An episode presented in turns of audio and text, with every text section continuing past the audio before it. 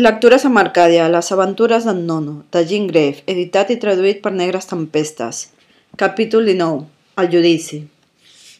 Van passar molts dies encara. Un matí es van presentar al calabós quatre soldats i van portar en Nono a una gran sala plena de gent. Uns altres soldats, com els que havien conduït l'acusat, es trobaven disseminats pels quatre costats de la sala.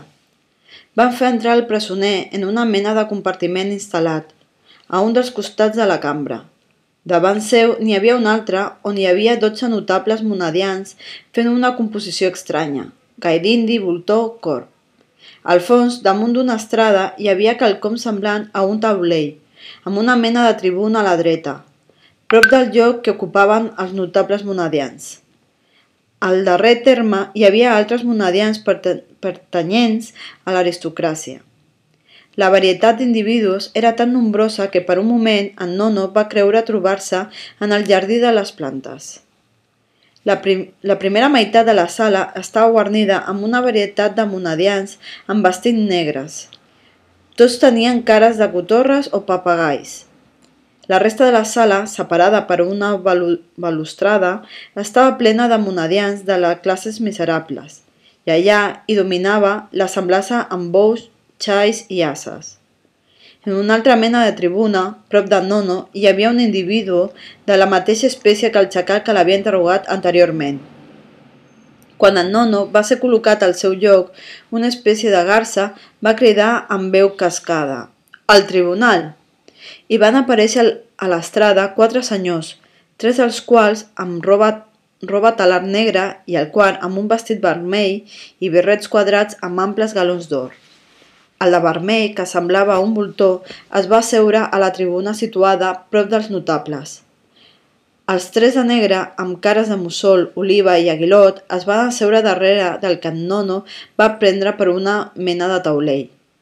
Els tipus, que semblaven un escarabat piloter, es va aixecar amb un grapat de papers a la mà i va començar la lectura de l'acte d'acusació contra en Nono. Ràpidament, els que ocupaven el centre del taulell va procedir a l'interrogatori de l'acusat, amenaçant amb penes més severes si es mostrava tan irrespectuós com havia estat durant la instrucció. Anono va restar consternat. Com podien acusar-ho d'irrespectuós quan no va fer res més que respondre tal com pensava? Després de la consignació de l'estat civil de l'acusat, el precedent li va preguntar «Reconeix vostè haver parlat davant de diversos argirocràcies d'un país anomenat autonomia, on, segons vostè, els fruits de la terra són comuns a tots, on no hi ha lleis, ni, ni prevós, ni gendarmes, i on cadascun és lliure per viure com millor li sembla? Sí, senyor, ja que allà em trobava jo quan vaig ser reptat per aquest poca vergonya de Monadio, per portar-me a aquest mal país on només he experimentat revessos i misèria. Senyors notables, ja s'entén vostè amb quin cinisme declara el seu crim l'acusat, digué l'home de vermell movent el bec, i a més es fa culpable del crim d'injúria a sa majestat. Reconeix vostè, va continuar el president, haver excitat els que l'escoltaven a la rebeldia, induïts a entendre's entre ells per prescindir dels amos que els alimenten i de les lleis que els protegeixen? Jo no sé si els seus amos els alimenten, ni, de, ni si les seves lleis els protegeixen. El que sí sé és que, a autonomia, no teníem res d'això, i érem molt més feliços. Ho he dit, en efecte, perquè és la veritat. L'home vermell va continuar movent els llavis, que es prolongaven com el bec d'una au de rapinya. Està bé, pot seure, va dir el president.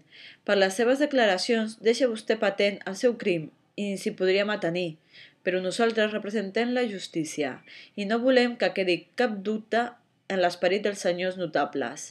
Ara sentirem les declaracions d'alguns testimonis. El primer que va cridar, cridaren fou un dels tres preferits d'en Nono, que va donar prova de valor i va procurar defensar-lo, exposant la bona fe d'en Nono, el qual no feia sinó explicar el que havia vist. Ell no considerava criminal desitjar una sort millor, ja que sovint és molt dura la que els treballadors, treballadors arrosseguen a l'argirocràcia. Vegin vostès, senyors, la influència nefasta dels discursos del malfactor que hem de jutjar.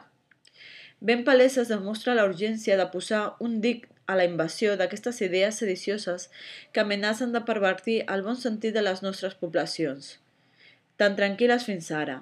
Fins i tot ha arribat al santuari sagrat de la justícia la gossadia de repetir aquestes blasfèmies. Demano una pena severa contra el testimoni que, per salvar l'acusat, no té por de falsejar el seu jurament alterant la veritat deixant de banda el fet que, segons unes notes que m'ha subministrat el gran prevós, aquest home és perillós, perquè és atre atrevit propagandista de les mentides que amenacen de pertorbar el nostre admirable ordre social. L'amic d'en Nono va ser condemnat a cinc anys de presó. Tot seguit va tocar-li el torn al sastre.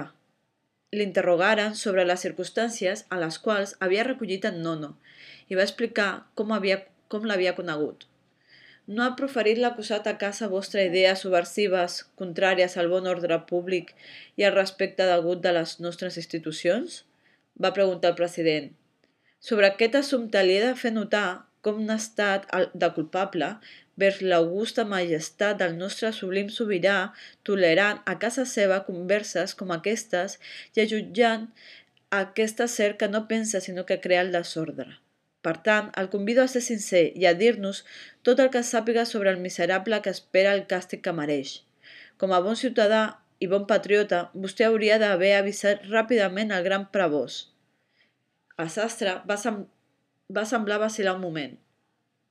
La seva mirada es va fixar, com a desgrat seu, en Nono, però la va apartar ràpidament i amb veu dubtosa va declarar que va prendre en Nono a casa seva com a agraïment per haver salvat el seu fill. Fins i tot va manifestar que no tenia queixa de la seva feina, que en efecte l'acusat havia referit històries inversemblants sobre autonomia, però que, engany enganyat pel seu aire càndid, no hi havia cregut a la criminalitat de les seves intencions. Demanava, per tant, perdó al tribunal, prometent-se més previsió en el futur i es va retirar sense atrevir-se a mirar Nono. Els següents testimonis foren alguns dels que havien assistit a aquelles converses i per por de participar de la sort de l'acusat van fer la seva declaració en el sentit que es va dictar el president. Acabada l'audició de testimonis, l'home vermell es va aixecar i va parlar extensament sobre l'ordre magnífic que presideix els destins dels pobles sumers en Monadio de la beneficència d'aquells a qui la fortuna va omplir de dons, de la seva sol·licitud per, la, per als desgraciats, del seu enginy per procurar treball als que no tenen més que els seus braços com a recurs. Va elogiar, després, les justes lleis que posen la prioritat a l'empara de les depredacions d'aquells que es mouen guiats pels mals instints de la rapacitat, la mandra i l'enveja. Va exaltar les virtuts de la paciència i l'abnegació dels treballadors, la seva sobrietat, la seva economia i la seva adhesió al sobirà i als diferents amos.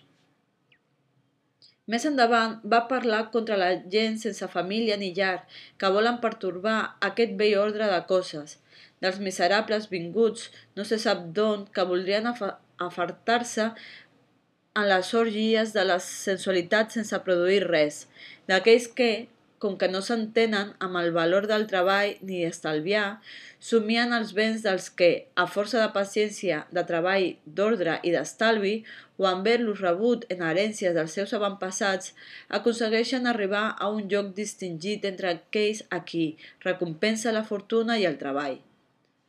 Per últim, abordant el cas d'en Nono, va fer veure que aquest quadre encantador del suposat país d'autonomia no era més que una violenta sàtira contra les institucions tan justes i tan sanes d'argirocràcia, i que no tenien cap altra intenció que inspirar als treballadors la idea que podien passar sense amos. Una, nor una norma absurd que es refuta per si mateix. Una teoria tan ridícula com criminal, contra la qual totes tota severitat és poca, perquè tendeix a fer creure als obrers que se'ls defrauda amb el producte del seu treball, de manera que els incita contra els que donen el, del pa, contra els que es fan viure i sense els quals no hi hauria més que misèria i barbàrie. Va acabar demostrant que l'acusat, en comptes de sol·licitar la indulgència del tribunal, havia manifestat per contra el més gran cinisme, parlant de l'august monarca en termes irrespectuosos. Va demanar la pena capital per l'acusat i es va seure. Un dels personatges vestits de negre amb cap de cotorra, que estava assegut a una taula davant d'en Nono, es va aixecar aleshores. També aquest va proclamar la grandesa del país d'argirocràcia, l'autoritat i la justícia de les seves lleis, la legitimitat dels béns dels que els posseixen, la paciència i la força de les classes laborioses que tant contribueixen a la prosperitat general. En realitat, les històries d'en Nono, pel seu atreviment excessiu, podien ser un perill contra l'ordre establert turbant alguns esperits febles, però el seu client, segons ell, no havia comprès l'abast del que deia. No se'ls pot considerar responsables, va concloure, i va acabar demanant als senyors del tribunal i els senyors notables que tinguessin en compte la curta edat de l'acusat i va sol·licitar la seva indulgència. I es va asseure enmig del, dels visques de la sala, que també havien aplaudit enèrgicament el discurs de l'home de vermell. Els notables es van retirar per deliberar. Poca estona més tard van tornar presentant un veredicte de culpabilitat, mitigat amb circumstàncies atenuants. Els tres homes del taulell es van consultar, en Nono va ser condemnat a cadena perpètua. Completament aterrit, en Nono va ser conduït una altra vegada al calabós. Assegut a la pedra, va romandre-hi com si estigués clavat per l'angoixa, passant llàgrimes ardents. Va perdre la noció del temps i la nit va arribar sense que s'adonés. Al final, la desesperació el va dominar de tal manera que, decidit a morir, es va aixecar amb l'intenció d'obrir-se el cap contra el mur. Però un raig de lluna, que entrava per la finestra del calabós, li va il·luminar la cara i va aturar els seus impuls. Aquell raig de llum va veure lliscar una vella dona de cara radiant, embolicada en una dolça claretat que feia ressaltar el color verd del seu vestit. I amb una entonació suau i melòdica, gairebé imperceptible, va pronunciar aquestes paraules consoladores. Soc una esperança, una solidària que no pot aventurar-se en els estats de Monadio mentre els seus habitants no la clamen d'acord, m'envia per dir-te que no perdis el valor. Els teus amics d'autonomia pensen en tu i en els mitjans per alliberar-te. Tres d'ells han vingut a Girocràcia amb el propòsit d'ajudar-te. Valor i esperança. I, patanonejant-li al front, li va tancar dolçament els ulls adormint-lo, amb carícies damunt del llit de palla. Després, incorporant-se al raig de llum que l'havia portat, va desaparèixer, deixant una vaga claretat al calabós. thank you